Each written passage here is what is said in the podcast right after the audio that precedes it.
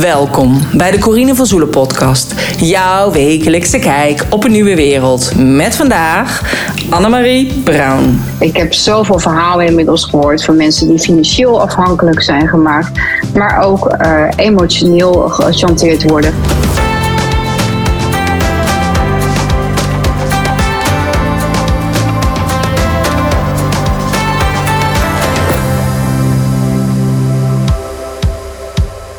In deze podcast, podcast 220, heb ik een gesprek met Annemarie Brown. Ze is psychodynamisch therapeut en yogadocent. En ze heeft sinds 2008 een eigen praktijk in Bodegraven en geeft hier yogalessen. En jaarlijks organiseert zij in juni, en dat is bijna, een yoga- en genietvakantie in Italië.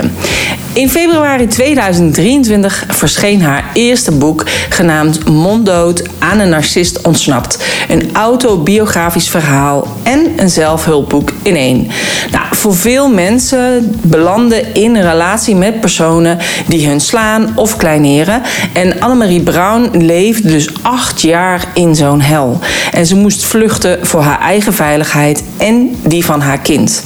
En waarom is het is zo lastig om te ontsnappen aan een giftige relatie? En ik moet hierbij zeggen, niet elke narcist uh, gebruikt huiselijk geweld. Weet je, het kan lichamelijk zijn en het kan ook uh, geestelijk zijn. Annemarie uh, leefde dus acht jaar in die hel en ze moest uiteindelijk dus vluchten voor haar veiligheid. En wat is het dan waarom het zo lastig is om te ontsnappen aan zo'n giftige relatie? Nou, het boek Monddood is echt mega. Ja, het is echt huiveringwekkend. Het is echt een page-turner. Uh, het bevat ook een katern met echt duidelijke uitleg uh, over narcistische mishandeling, over onderzoeken, maar ook een checklist van is mijn partner een narcist? En Annemarie schreef er dan ook vanuit haar werk als therapeut. Um, want narcisten en psychopaten zijn zo goed in het verbergen van hun ware aard en motieven dat heel veel slachtoffers dat jarenlang gewoon niet doorhebben, vertelt ze.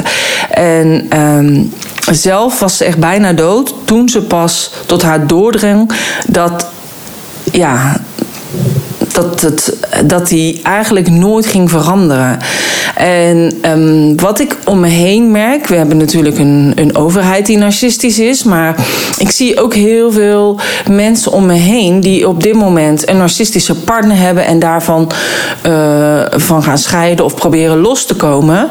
En um, ik heb nog nooit zo vaak om me heen gehoord, zeg maar. Dus uh, ik dacht, is dat ook echt iets van deze tijd? Dat daarom ja, dat nu meer aan het licht gaat komen. Hè? Omdat heel veel dingen die niet juist zijn nu aan het licht gaan komen. Dus daar was ik eigenlijk heel benieuwd naar.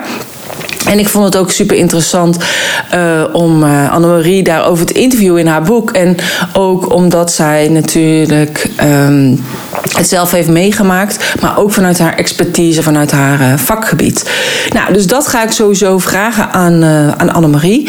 Ehm, mocht het zijn, als je meer wil weten over Annemarie, over haar, over het boek, over haar begeleiding, over haar yogareis in juni, check dan de show notes pagina www.corinevanzoelen.nl slash podcast streepje 220. Uh, mocht het zijn als je meer wil weten ook over uh, mij, check dan ook de site corinevanzoelen.nl. Daar vind je alles over het online ondernemen, maar vind je ook gratis video's en mijn blogartikelen, dus noem maar op. Dus dan kun je precies zien allemaal wat ik ook aanbied. wil je op de hoogte blijven van deze podcast, kijk dan ook op de show notes pagina en meld je aan. Dan krijg je als eerste een mailtje als er weer een nieuwe podcast online staat. En uh, ik zou het heel erg waarderen als jij deze podcast een sterretje, een hartje of een like zou willen geven. Uh, zodat ik weet dat jij het waardeert wat ik doe. Nou, ik wens je heel veel luisterplezier. Luisterplezier klinkt misschien een beetje gek, maar ik hoop dat je het inderdaad interessant vindt wat ze zegt en dat je er wat mee kan. En dat als jij uh, dingen hoort uh, en denkt: Oh, dit is misschien iets voor een vriendin van mij, of je dan de podcast wil doorsturen naar haar, zodat op deze manier er steeds meer uh, slachtoffers ook inzien dat ze slachtoffers zijn van een narcist. Want vaak hebben ze dat zelf ook niet in de gaten. Dus um, nou ja, toch luisterplezier. En ik spreek je na de, het gesprek met Annemarie weer. Vandaag heb ik een online afspraak met Annemarie. Welkom Annemarie.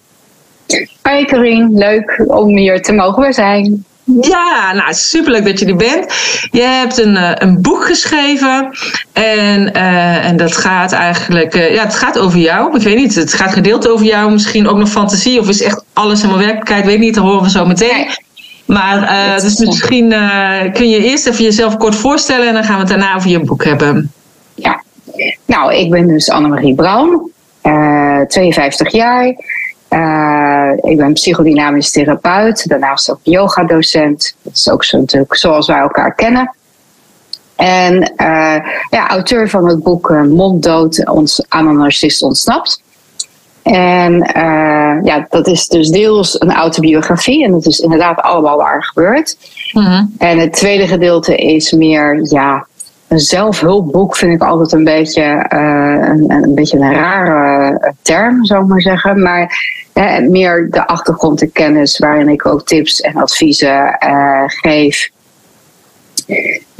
Dus ja, op die manier heb ik het geprobeerd te combineren om het en vanuit mijn hè, ervaringsdeskundige of vanuit mijn autobiografie te benaderen. En tegelijkertijd ook vanuit mijn werk als psychodynamisch therapeut uit te zetten, uiteen te zetten van hoe zit dat nou in elkaar? Waar komt narcisme vandaan? Hoe ontstaat het? Hoe ziet zo'n relatiedynamiek eruit? Ja, en wat kun je eraan doen?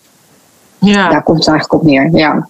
Want hoe ontstaat het dan eigenlijk zo, dat narcisme? En is het uh, zeg maar, alleen bij mannen of alleen bij vrouwen? Of is het, nee, het komt echt allebei? evenveel voor bij mannen als bij vrouwen. Mm. Ja, dus in die zin eh, discrimineert het niet, om het maar even zo te zeggen. Ja, dat scheelt. En, ja, dat scheelt dan weer. en ik heb ook de laatste, uh, met name de laatste maanden ontzettend veel met mannen gesproken die in een narcistische relatie hebben gezeten. Dus dat komt echt net zoveel voor bij mannen als bij vrouwen. En, en waar het door ontstaat, het is een beetje de combinatie van wat we nature, dus zeg maar hè, de, de, de, de biologie, de, de, DNA, de erfelijkheid van iemand noemen, en nurture. En dan hebben we het vooral over uh, de opvoeding, uh, het nest waar je vandaan komt. En uh, meer specifiek, zeg maar, de, de veiligheid en de gehechtheid die iemand ervaart in zijn jeugd.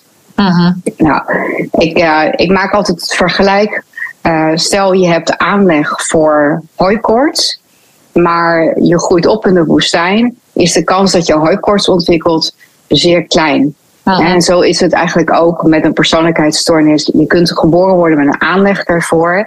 Maar als je vervolgens ja, heel harmonisch en veilig en gehecht opgroeit, is de kans dat je het ontwikkelt vrij klein.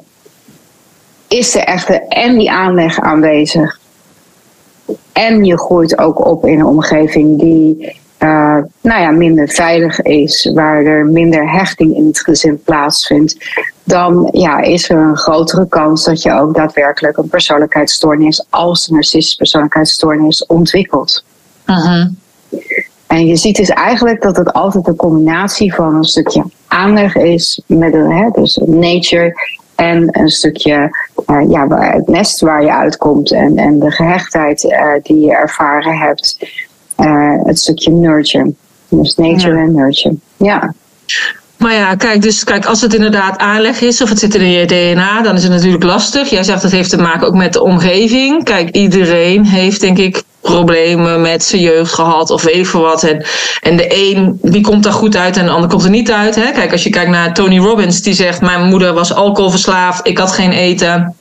Uh, ik zou het perfecte verhaal kunnen zijn van iemand die ontspoord is. Maar ik heb juist gedacht: nee, ik creëer de persoon Tony Robbins en ik ga het anders doen. Ik ga zorgen dat ik mensen te eten krijg. Dus het kan natuurlijk ook de andere kant op slaan.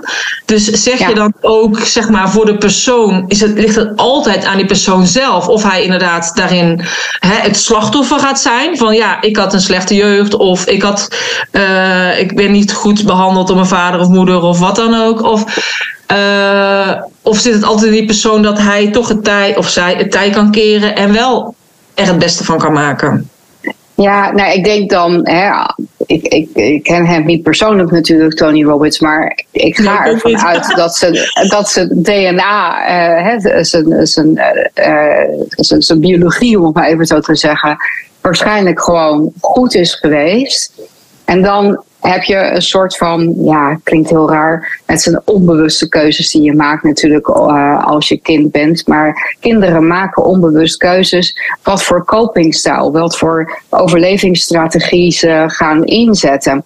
En dat komt eigenlijk door, als je in een bepaalde moeilijke situatie zit en je uh, je gedraagt je op een bepaalde manier en dat, dat, dat, dat pakt gunstig voor jou uit, mm-hmm. dan dat is eigenlijk het begin van een overlevingsstrategie. Want daarmee maakt het kinderbrein meteen een verbindenis met: hé, hey, als ik dit of dat doe, dan uh, ja, raak ik niet beschadigd of krijg ik misschien wel liefde of aandacht. Maar in ieder geval, het pakt altijd positief uit. En dan zul je zien dat ons brein ook heel snel uh, hè, bij een volgende situatie die klinkt als of lijkt op, naar, diezelfde, uh, naar hetzelfde gedrag toepakt. En zo ontstaat eigenlijk een overlevingsstrategie. Als je kijkt naar mensen met een narcistische persoonlijkheidsstoornis, dan is er over het algemeen ook daadwerkelijk schade aan het gedeelte van uh, de hersenen waar empathie zit. Uh-huh.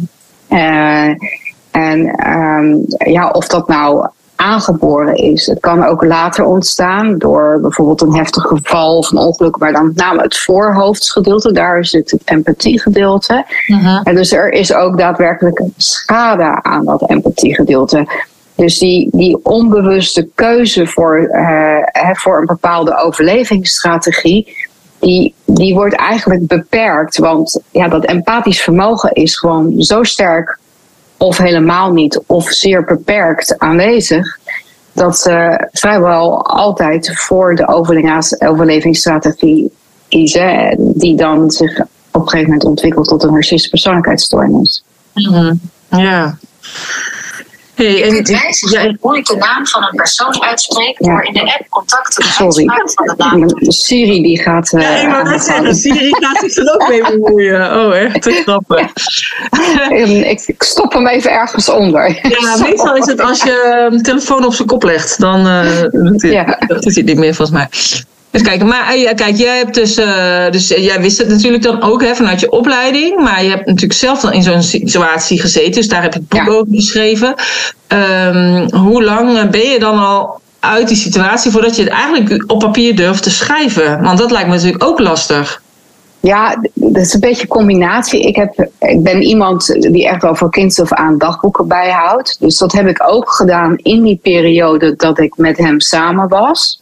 Dus daar heb ik geschreven. Maar ja, dat is natuurlijk niet een boek. Dat is gewoon puur. Hè, dat schrijf je voor verwerking, om je hart te luchten.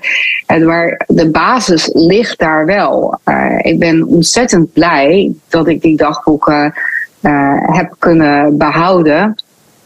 Uh, er zijn er ook veel van me gestolen, maar die had ik altijd heel erg dicht bij me. Dus die heb ik ja, kunnen behouden. En uh, daar, daar is de basis ontstaan. Uh, in 2007 uh, eh, ben ik eigenlijk begonnen met nou ja, een soort tijdlijn te vormen vanuit die, uh, vanuit die dagboeken. Mm-hmm. Maar het was gewoon te vroeg. als je ook het boek gelezen hebt, dan zul je ook zien dat er juist na de relatie ik nog een heel ander uh, hoofdstuk over me heen kreeg. waar ik ja, gewoon echt alles heb moeten doen om mezelf staande te houden. En niet alleen mezelf, maar ook mijn zoon, die twee was op dat moment. Dus ik heb dat op een gegeven moment laten rusten. Ik dacht, ja, dat, dat is niet voor nu. Maar ik had, het bleef wel achteruit in mijn achterhoofd zitten. Mm-hmm. En uh, nou ja, er was een periode dat het uh, gewoon wat minder goed ging met mijn zoon. En dat is dus uh, de zoon van uh, de persoon waar het om gaat in deze. Mm. En ehm, ja, de, als moeder had ik het daar heel moeilijk mee. Dus ik, ehm, ik ben op wat minder gaan werken. Het viel ook een beetje samen met die coronaperiode. Maar ik voelde dat ik wel een bepaalde structuur nodig had om mijn dag vorm te geven. En uh, ja, dat, dat, toen dacht ik van ja, maar dit is het moment om te gaan schrijven. Want dat kan ik doen in de uren dat ik er niet voor mijn zoon hoef te zijn. En ik kan het helemaal zeg maar, aanpassen naar uh, ja, hoe mijn leven nu staat. Maar ik heb wel een bepaalde structuur voor mezelf. Maar ik dacht wel, ik ben geen schrijfster. Dus wat ik eerst ga doen, is een schrijftraining. Dus dat was stap 1, de schrijftraining. En daarin werd mijn enthousiasme alleen maar meer uh, aangewakkerd. Omdat ja, ik kreeg allerlei nieuwe technieken te leren. En dacht van, oh ja, maar dat kan ik toepassen, dat kan ik toepassen. Uh, en, en van daaruit uh, ben ik gaan schrijven en heb ik ook een uitgeverij gevonden die geïnteresseerd was om het boek uit te brengen. -hmm. Ja, dus al met al, ja, het heeft al anderhalf jaar ben ik bezig geweest om dit boek te schrijven. Ja, nou op zich lijkt anderhalf jaar is natuurlijk lang, maar valt in principe ook nog wel mee. Als ik hoor van heel veel mensen die een boek schrijven die daar uh, nog langer mee bezig zijn. Dus ja. Uh, nou ja, en wel bijzonder om, uh, om dan te horen dat het eigenlijk toen al is begonnen, eigenlijk toch al met die dagboeken. En wel goed ja. dat je dat bij hebt gehouden. Ja, ik, dat was, daarom ging het denk ik bij mij ook iets sneller. Hoewel anderhalf jaar natuurlijk best wel een tijd is. Maar ook omdat, ja, die dagboeken waren er. Uh, er, waren, er was nog een archiefdoos vol met stukken, bewijsstukken, zeg maar. Hè, van uh, aangiftes die gedaan waren. Het arrestatiebevel, nou ja, uitspraken van de rechtbank en dat soort dingen. dus uh, ja, ik had heel veel stof. Hè? Dus de, de, ja. um, als je natuurlijk een, een, research moet gaan doen, dan, uh, ja, dan, dan, kost, dan ben je er al zo lang mee bezig voordat je daar bent. Maar mij, ja, ik had dat allemaal nog. Dus dat ik in de afgelopen 17 jaar zo enorm veel gelezen heb en mijn eigen research al gedaan heb over narcisme dat ik ook in mijn eigen praktijk uh, zo vaak uh, slachtoffers van narcisme tegenkom. Dat, uh, dat ik dacht van ja, weet je, er, die basis had ik al. Dus daarom ja. is het me denk ik gelukt in anderhalf jaar. Want anders had ik er zeker langer over moeten doen. Ja. ja. Hey, en is het dan, was het dan voor jou niet uh, vervelend om die dagboeken nog een keertje te lezen en al die aangiftes? Dat het dan ja, dat was, weer naar boven kwam? Of heeft het nog geholpen om het echt allemaal een plek te kunnen geven? Ik, ik denk dat het volgens mij een soort van next level verwerking was voor mij. Ja. Uh, dat had ik van tevoren niet verwacht. En ik had echt wel het gevoel dat ik alles goed een plekje had gegeven al. Uh, maar als schrijvende kom je toch bij. Ah, in die dagboeken las ik dingen die ik ook vergeten was. Hè. Ja. Sommige dingen zijn zo traumatisch dat we de neiging hebben om dat een soort van te blokkeren. Ja, dus dat was dan wel weer dat ik dacht van wow, dit, eh, jeetje, ja, dit is ook nog gebeurd. Oh, en dat is ook nog gebeurd. het boek telt bijna 300 pagina's. Maar er staat nog lang niet alles in wat er gebeurd is. Uh, op een gegeven moment moet je natuurlijk daar ook een keuze ja. in maken. Want je wil ook niet de lezer overstelpen met alleen maar ellende. Nee. Uh, maar uh, ja, het is zeker wel, uh, wat ik zeg, een soort van next level verwerking geweest. Er waren echt nog wel momenten.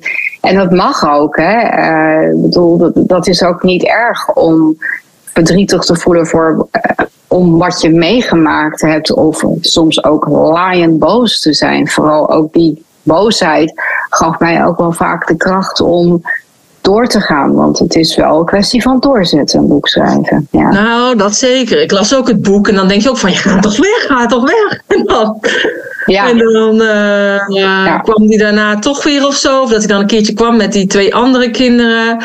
En dat je dan toch dacht, nou, ik ga hem toch weer uh, een mooi spijkerjasje aandoen. En dat ik dacht van, ja, wees blij dat hij weg is geweest. Maar ja... Ja. Ja, en dat, dat is denk ik wat jij nu noemt de voornaamste reden dat ik mijn boek geschreven heb. Ja. Ik heb in die tijd natuurlijk van uh, mijn familie, maar ook mijn beste vriendinnen regelmatig gehoord. Ga toch bij hem weg. Ja. En hè, ook bij de politie, dat ze zoiets hadden van ja, mevrouw, maar u gaat steeds terug. Dus op een gegeven moment ook ja, moeilijk deden over het uh, aannemen, uh, opnemen van aangiftes. Omdat ik steeds terugging. En ik dacht van ja, weet je, ik kom dat ook zoveel in mijn praktijk tegen bij cliënten. Dat onbegrip van de omgeving. Je verliest op een gegeven moment je vrienden en je familie erdoor.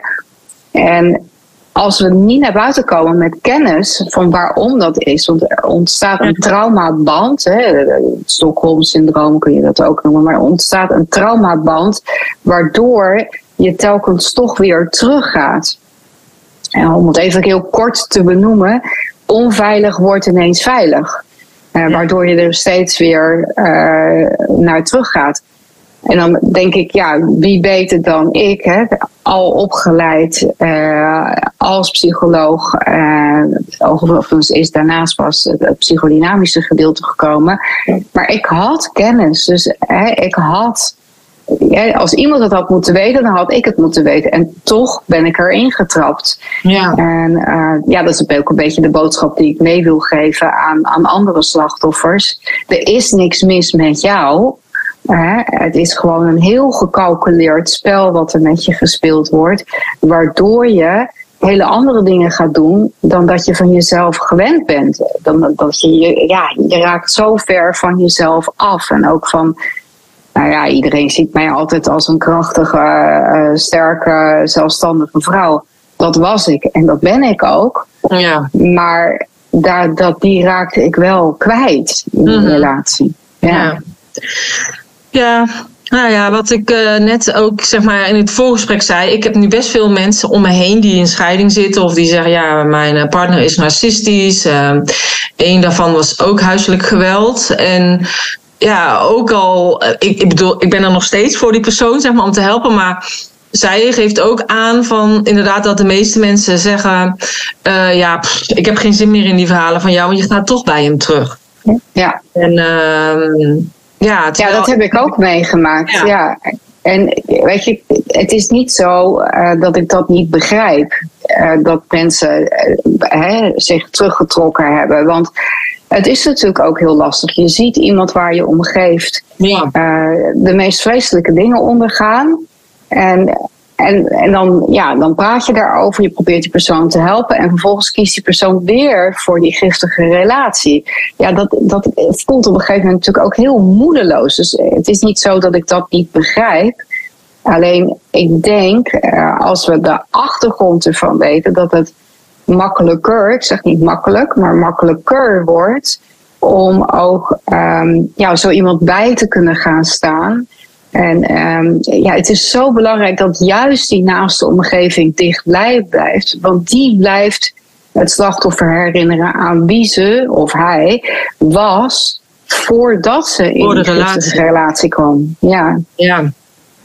Ja, ik, ik merk dat het, dat het ook lastig is. Hè? En ik probeer inderdaad alleen maar te steunen en elke keer uh, te zijn. En, uh, en elke keer te benoemen hoe ver ze nu al is. Zeg maar van, oh je bent nu al zo lang hier bij me weg. Dus hou dit vol. Of je bent nog nooit zo ver geweest als dit. Want ze is al heel vaak bij me geweest en al heel vaak weer terug. Maar dit is nu echt, nu is ze heel lang al weg. Dus van, ja, supergoed. Je bent nu echt nog nooit zo, uh, uh, zo ver geweest met alle stappen die je zet dan nu. En, uh, en ik denk ja, voor mij, ik denk dat is het enige wat ik kan doen. Gewoon aanmoedigen dat ze goed bezig is. Maar ja, de goede keuzes bekrachtigen. en vooral niet oordelen op het moment dat er toch weer toch die verleiding te groot was en ze toch weer contact hebben gezocht. Uh, hè, als je dat oordelen los kan laten, want wat je het meeste hoort is van, nou, dat, ik was al, nou, niemand, man die mij niet, dit gaat echt niet staan. Ik was al lang weg geweest. ja, nee, als iemand dat met mij zou doen, was, en dat er dan gebeurt met het slachtoffer, is die gaat zich nog meer schamen voor haar of zijn eigen uh, keuzes waardoor er nog meer isolatie ontstaat. En isolatie is uh, de grootste vriend, de beste vriend van een narcist. Want hoe meer het slachtoffer geïsoleerd raakt, hoe meer de narcist uh, ja, het slachtoffer in zijn greep heeft. Ja. En kan hersenspoelen. Ja. ja. Ja, precies. Dat lijkt mij ook inderdaad. Maar uh, ja, ik denk dus eigenlijk in dat uh, geval uh, inderdaad blijven openstaan. Dat ze daarbij terecht kunnen blijven komen. Hoe lastig dat dan misschien soms ook is. Um, Want juist daardoor, dan wordt het dan alleen maar erger. Gaat inderdaad en alleen maar meer in isolement. En dat is natuurlijk precies wat ze willen. Maar ja, ik begrijp dat het voor de omgeving lastig is. Dus, um... dat, dat, is het zeker. En uh, ik zie zoveel cliënten die uh, jarenlang geen contact meer hebben met familie en vrienden. Uh, hierdoor. En dat, ja, ik heb momenteel een, ook een dame in behandeling die heeft 45 jaar een relatie gehad met een narcist. Zo. Uh, ja, en, en haar wereld was zo klein op een gegeven moment. Ja, dan wordt het ook steeds moeilijker om eruit te komen. Ja, en, om te eh, ontdekken wie ben ik zonder die persoon. Wie ben ik? Ja, het is, het is voor haar nu uh, is dus in de 60 een hele ontdekkingsreis van wie ben ik? Wie ben ik zonder hem? En uh, gelukkig wordt ze nu wel gesteund, met name door haar kinderen. Maar uh, ja, het is zo belangrijk. Dat je, het slachtoffer doet het voor een deel ook zelf, doordat ze zelf niet spreken, vaak hè, naar vrienden, vriendinnen of vrienden, over hè, zich schamen voor wat hun partner doet. Dus die spreekt er niet over. Dus ja, dan is het ook lastig voor uh, vrienden of vriendinnen om daar uh, voor die ander te zijn. Uh maar er zijn wel, zeg maar, denk ik altijd rode vlaggen. En dan hoor je ook vaak als die relatie dan wel beëindigd is, dat die mensen dan zeggen ja, maar we zagen altijd al dit en we zagen altijd al dat. En ja. dan denk ik, ja, dat is zo jammer dat je hè, dat dan achteraf tegen iemand zegt. En eigenlijk niet op het moment zelf. Um, zo af en toe is zo'n rood vlagje voorbij laat komen. Hé, hey, wat, wat, wat bijzonder. Ik zie dit of dat in de relatie. Of ik zie dit en dat in uh, je partners gedrag. Uh, om die ander toch een, aan te geven dat het geen normaal gedrag is. Toch een klein beetje wakker te schudden. Ja. Maar is het ook niet zo dat we dan zeggen van ja, uiteindelijk bemoeien met je eigen dingetjes. Dus dan, dat je dat dan eigenlijk ook niet doet. Dat je denkt van ja, wie ben ik om wat te zeggen over die relatie?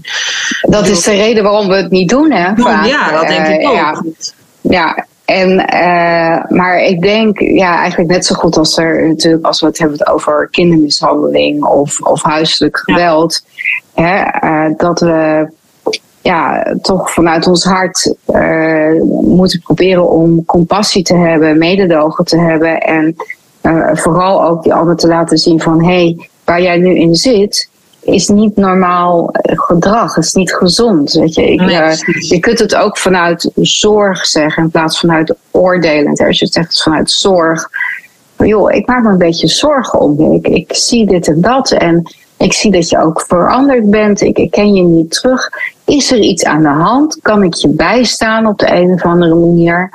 En um, ja, als je inderdaad narcisme vermoedt, uh, die persoon zo heel subtiel, zo af en toe eens wat informatie daarover toespelen. Ja, ja, want kijk, in jouw boek is er dus huiselijk geweld. En, maar dat is niet bij iedere narcist, toch? nee, zeker niet. Laten we dat nee. even duidelijk maken voor, uh, voor iedereen. Ja, dat is denk ik heel belangrijk om uh, te realiseren.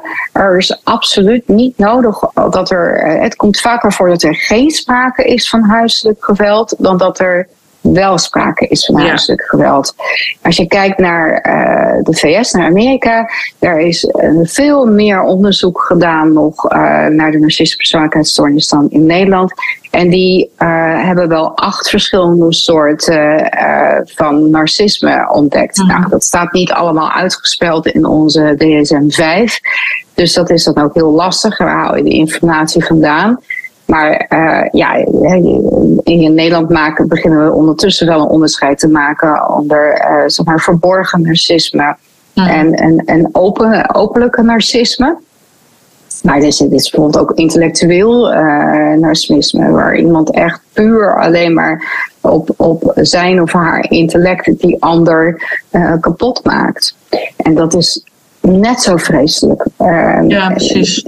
Mij is vaak gevraagd van wat vond je nou erger? De geestelijke mishandeling of de fysieke mishandeling? En ja, daar is eigenlijk niet, er is geen weegschaal voor. Het is allebei net zo erg. Uh, soms dacht ik wel van geef me maar een klap, dan heb ik die herrie in mijn kop niet. Uh, aan de andere kant, er waren momenten dat ik de dood in de ogen heb gekeken en die waren wel zeer traumatisch. Dus uh, dan wil ik ook weer niet zeggen van nou doen we dan maar dat. Nee. Maar uh, het is minstens zo erg, die, die geestelijke mishandeling, die manipulatie, wat we dan ook vaak wel gaslighting noemen. Ja, precies. Want je gaat aan jezelf twijfelen. Je raakt jezelf kwijt en Ehm, eh, het, als er wel sprake is van huiselijk geweld, kan dat leiden tot de fysieke dood. Maar als er alleen sprake is van uh, psychische mishandeling, is het feitelijk ook moord. Het is identiteitsmoord wat er gebeurt. Uh Ja. Ja, en, en is het dan ook zo dat het gewoon heel klein begint of zo? Of, en vooral met die gaslighting, van, zijn er dan daar bepaalde trucjes ja, het, het, begint voor het slachtoffer altijd heel mooi. Ja. In de zin van, het, eh, vrijwel altijd hoor ik dat de beginfase van de relatie overweldigend was. Dat ze zich nog nooit zo gezien en gehoord hebben gevoeld in die relatie als, uh, als bij deze narcistische partner. En dat, dat is natuurlijk ook logisch, want als iemand al vanaf begin af aan zo is, ja, dan start je ook geen relatie. Want dan zit je nog vol in, in je kracht en ben je nog, hè, zit je vol in je eigen identiteit en denk je van ja, hallo, doe even normaal. Ja. Uh, maar als het begin zo overweldigend mooi is, en in mijn laatste podcast omschreef zij uh, Marley het, het heel mooi. Ze zegt, ik werd eigenlijk verliefd op het beeld wat hij van mij schetste. Ja. dus ze creëren een behoefte waarvan je zelf niet eens wist dat je die had. Uh Ik denk dat uh, ja, dat is een hele mooie omschrijving. Uh, dat is wat er gebeurt. En eigenlijk pas nadat er een verbindenis is gelegd, en dat doen ze heel snel. Ze proberen je op allerlei manieren te verbinden, samenwonen, financieel. In mijn geval uh, ja, was ik heel snel zwanger. En dat was echt wel iets wat hij, uh, nou ja, als ik terugkijk, uh, niet dat ik geen kind wilde, maar niet zo snel in de relatie. Mm dat heeft hij echt wel uh, flink, en daar heeft hij me echt wel flink in gemanipuleerd. Maar als die verbindenis er eenmaal is, want die, die, die eerste fase, wat we ook wel de lovebombing fase noemen, die is voor hun gewoon niet zo lang vol te houden. Want dat is niet wie ze werkelijk zijn. Dus dat is één groot gecalculeerd toneelspel. En het belangrijkste dingen voor slachtoffer, het belangrijkste om voor slachtoffers om zich te realiseren, is dat die fase niet echt is geweest. Uh-huh. Want het was zo overweldigend mooi dat het wordt als een soort drug. dus uh, als je dan weer in die hele nare periode zit, dan gaan de meeste slachtoffers van alles proberen te doen om weer naar die mooie periode te komen. en uh, pas als echt tot je binnendringt dat die eerste fase gewoon niet echt is. Dat er geen sprake is van echte liefde, omdat ze daar simpelweg niet toe in staat zijn, dat vermogen niet hebben, dan wordt het makkelijker om je los te koppelen uit die relatie. Hè? Dan, dan, dan, ja, dan, dan valt dat beeld weg. Je was niet echt geliefd, het was niet echt. Ja, en dat is inderdaad, want ik zei al dus inderdaad, ik heb meerdere mensen die dat nu dus hebben, die dus ook inderdaad heel snel gingen samenwonen en dat soort dingen. Dus ja, dat je dan eigenlijk ook niet meer terug kan als je dus inderdaad eenmaal die verbindenis hebt aangaan. Of lastiger. Uh, het wordt moeilijker. Kijk, natuurlijk kan je altijd weg. Hè? We leven in een vrij land. Ja. Uh, maar het wordt wel heel, je wordt je heel moeilijk gemaakt. Hè? En uh, ik heb zoveel verhalen inmiddels gehoord van mensen die financieel afhankelijk zijn gemaakt, maar ook uh, emotioneel gechanteerd worden van hè, als je bij me weggaat, dan uh, breng ik mezelf om het leven, of uh, ik ontvoer de kinderen, of ik doe je ouders wat aan, of wat dan ook. Ja, dat zijn geen makkelijke dingen. Daar, dat, dat zijn geen makkelijke beslissingen die je zomaar maakt. Nee. Nee, zeker niet. Maar uiteindelijk, zeg maar, ben je dus wel bij hem weggegaan. Uh, ik, ik, ik zit nog midden in jouw boek. Ik heb het boek nog niet uit. Okay. Maar uh, ik heb natuurlijk wel wat dingetjes al social media voorbij zien komen. Maar je hebt dus nu het boek geschreven. Was je niet bang? Want, uh, want die vader, hij leeft niet meer, toch? Dat heb ik ook. Nee, nee, nee maar was je niet bang voor um, reacties van zijn familie dan? Ja, ik weet niet of je dat stuk al, of je daar al aan toegekomen bent uh, na zijn dood. Van, met het schrijven van het boek dan natuurlijk. Ja, ja, na zijn dood heb ik vier jaar lang vastgezeten in een rechtszaak met zijn familie. Mhm. Omdat ze mij schuldig bevonden aan zijn dood. Dus ja, dat was ook de reden waarom ik heel lang het uitgesteld heb om een boek te schrijven.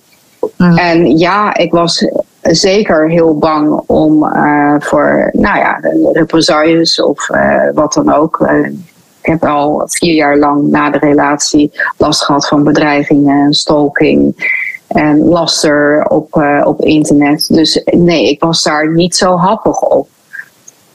Maar dat betekende dus dat ik ook 17 jaar lang al monddood was over mijn verhaal.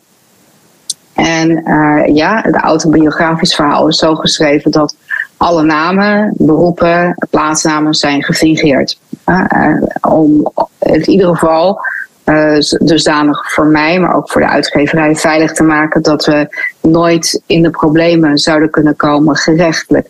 Maar dat maakt natuurlijk niet dat ze me nu makkelijk zouden kunnen vinden en dat daar ja, weer ellende uit zou komen. Ik heb dat echt wel heel, eh, heel goed besproken, zowel met mijn zoon, Mhm. die volledig achter het boek staat, als ook eh, mijn man. Eh, mijn man is al 40 jaar politieman. En die had zoiets van, weet je lieverd, daar ga jij je mond niet voor houden. Want als ze nu komen, dan heb je al een flink deel van de politieorganisatie achter je staan. Toen dacht ik, ja, dat is zo. Maar dan is het nog steeds niet leuk als het gebeurt. Maar ik moet zeggen, het boek is nu twee maanden uit. En eh, tot nu toe, eh, eh, en ik heb natuurlijk al in de Telegraaf en in het AD en nou, heel veel publicaties gehad. En er, tot nu toe is dat niet gebeurd. Ik hoop dat het zo blijft. Nou, ja, dat zou inderdaad wel fijn zijn, anders dan krijg je dat nog een keertje Ja. eh, eroverheen. Ja, je was zelfs bij RTL Boulevard, zag ik. Ja. ja.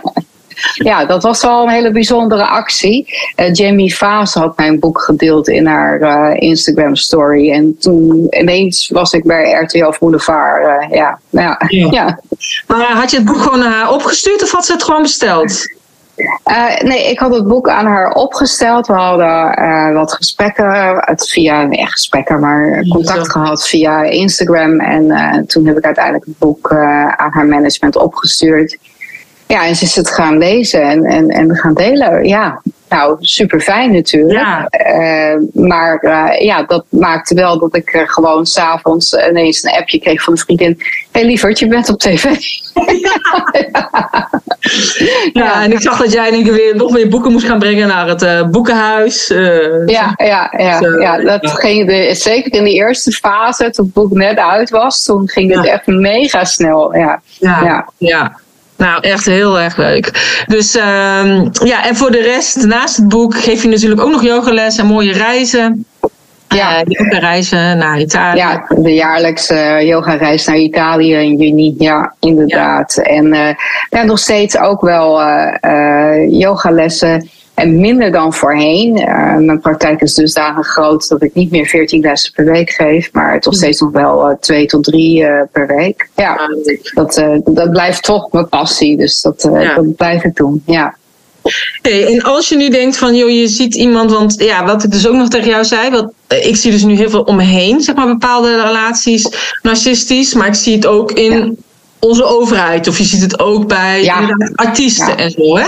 Is er dan ook daarin dat je zegt van ja, dat, dat, dan heb je automatisch narcistische trekjes, anders ga je niet zoiets doen, of wil je niet op Ja. een manier aandacht? Kijk, je wil niet, natuurlijk niet zeggen dat eh, alle BN'ers of eh, eh, politieke figuren eh, of eh, managers van internationale bedrijven allemaal de narcistische persoonlijkheidsstoornis hebben. En we moeten wel uitkijken met het woord narcist. In, naar mijn optiek wordt het een beetje snel gebruikt momenteel. Het is echt een ernstige aandoening. En ik heb je net al iets verteld van er is een stukje eh, aanleg daarvoor nodig. En er is een stukje nurture, hè, de opvoeding op een bepaalde manier voor nodig om dat ook echt tot ontwikkeling te komen. Het is ook echt een diagnose die alleen een psychiater of een psycholoog kan, eh, kan stellen. Ja. Maar het is natuurlijk wel zo, wat een narcist nodig heeft, is om zich beter te voelen dan iemand anders. En vaak zijn ze ook intelligent. Dus ja, dat zijn natuurlijk als jij op televisie komt of je hebt een goede positie of je bevindt je in een openbare functie als de politiek. Dat zijn wel functies uh, waarin een, narcisme, een narcist, en iemand met een narcistische persoonlijkheidsstoornis, zich erg op zijn gemak voelt. Want daarin is, hij echt, nou ja, die verheven persoon waar iedereen tegenop kijkt. Ja. Ja, kijk, ik had ook zoiets van, zou het ook misschien komen aan deze tijd? Hè? Kijk, in deze tijd is natuurlijk ook dat alles wat niet meer klopt, komt aan het licht. Dus dat zie je natuurlijk met de banksystemen, met onderwijssysteem. Zo van ja, dat, dat mag gaan veranderen. Uh, ook uh, dingen die niet gebouwd zijn vanuit een juiste uh, intentie vallen om. Dus ja, dacht ik ook, zou dat ook de reden zijn dat het nu meer aan het licht komt. Of dat mensen er nu makkelijker over durven te praten. Of het is natuurlijk ook de tijd dat mensen meer voor zichzelf gaan kiezen. Dat zie ik ook om me heen. En dat ze daar ook zeggen, ja, ik ben er gewoon voor klaar mee. Ik ga nu echt het zelf uh, doen. Dus zie je ik daar... Dat we, ja, ik, ik denk echt wel dat we in een tijd leven waar we allemaal ons meer bewust worden. Ja, dat, dat, bewustzijnsniveau naar een volgend niveau wordt getild. En dat we ons ook steeds meer gaan realiseren dat grensoverschrijdend gedrag niet oké is. Niet in een werkrelatie, niet in een romantische relatie, niet in een ouder-kindrelatie. Nergens niet. En, um, en, en, en, en we dat ook steeds meer gaan voelen van hé, hey, ik mag hè, ervoor kiezen om te gaan begrenzen.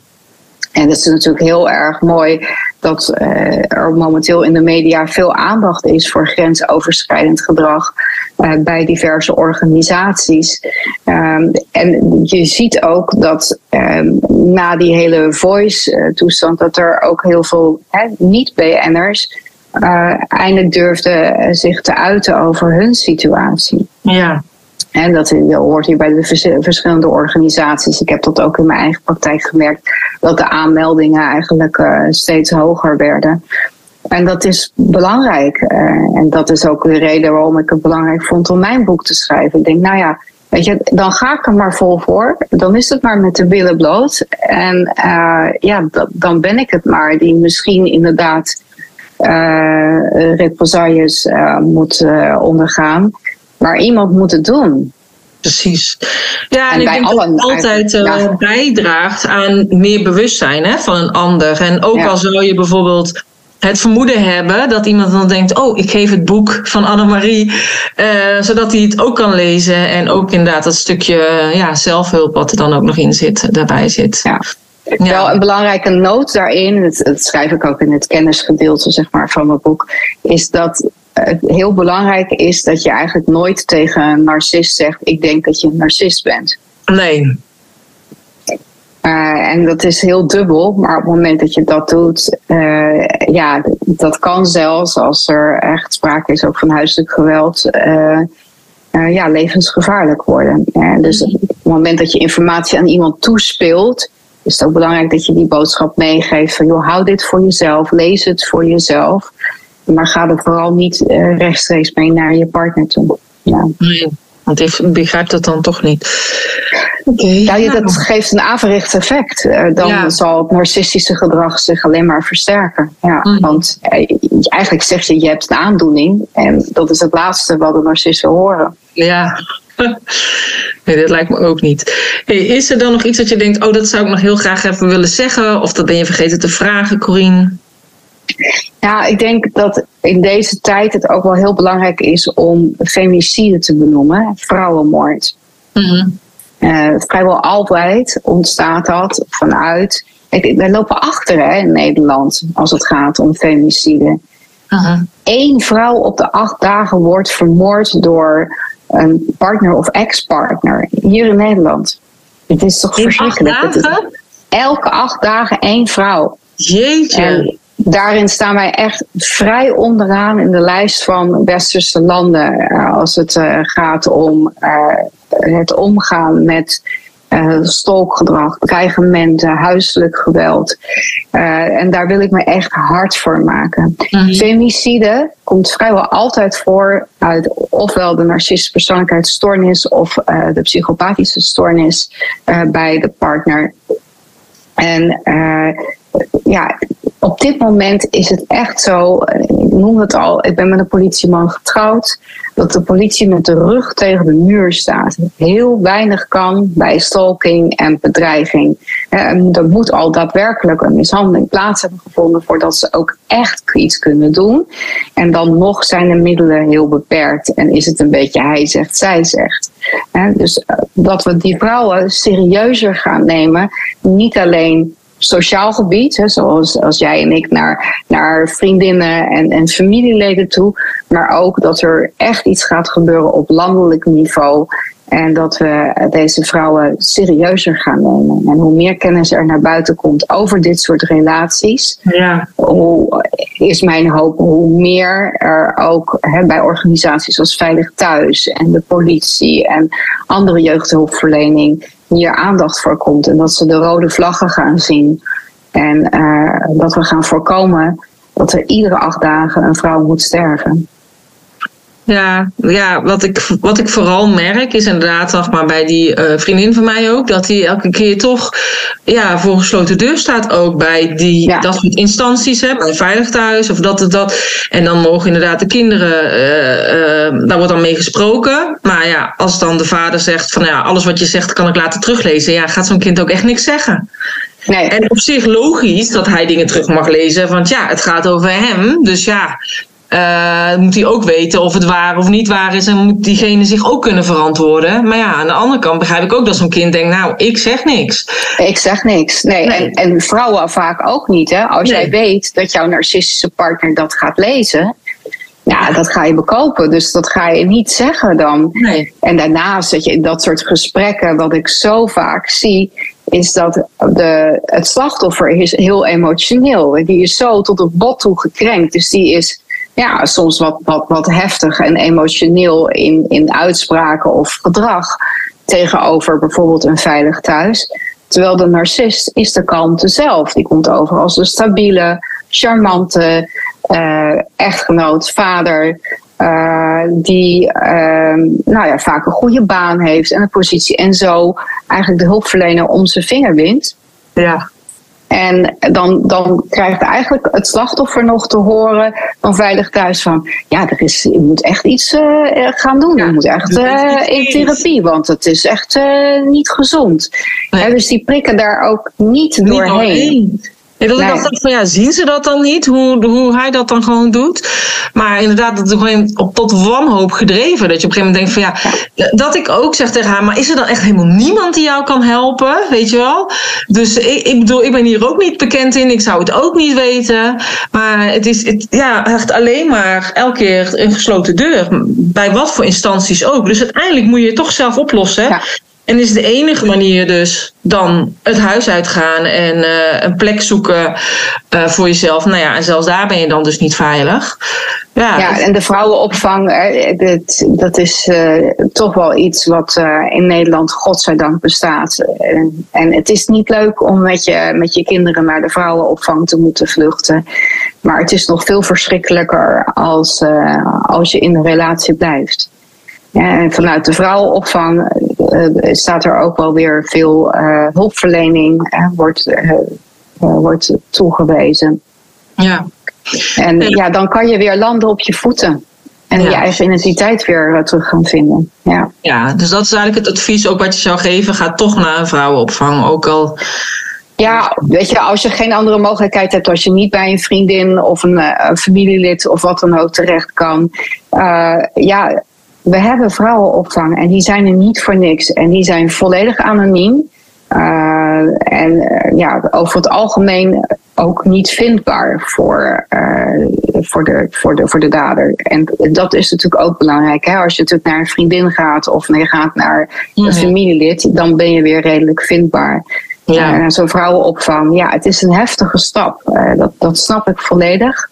Maar dan ben je in ieder geval niet vindbaar. En dan kan je vanuit veiligheid ja, weer de kracht opbouwen om uh, ja, een nieuw leven te gaan starten. Gewoon als je even uit de situatie bent, dan kun je misschien weer even rustig op adem komen. Misschien weer helder denken, omdat je niet beïnvloed wordt. En dan uh, daardoor je eigen keuzes uh, maken. Ja. Ja. Nou, mooi. Nou ja, niet mooi, maar in ieder geval mooi bedankt voor het gesprek. In ieder geval. Graag gedaan. Dat het kan bijdragen aan meer bewustzijn. Dus ook als mensen het luisteren en een vermoeden hebben van een vriendin. Of ehm, ja, dat ze dan ook weten wat ze kunnen doen. Ja, en laten we de mannen niet vergeten. Hè? Want ik krijg veel reacties op dit moment van mannen. Oh, weer een vrouw die naar buiten komt. Maar ik heb het ook meegemaakt. Ja. En bij mannen is de schaamte best nog wel hoger dan bij vrouwen. Lijkt mij ook. Om een, man, om een man eh, te zeggen dat je door je vrouw geslagen wordt of geestelijk mishandeld wordt, daar ligt best nog wel een taboe op voor veel mannen. Uh, maar ja, voor mannen is het ook zo ontzettend belangrijk om te weten dat het niet aan hen ligt. En uh, dat, ze, dat ze slachtoffer zijn en dat ze ja, daar hulp voor mogen vragen. Ja, inderdaad. Nou, supermooi. Nou, in ieder geval dankjewel voor het gesprek. Heel graag gedaan.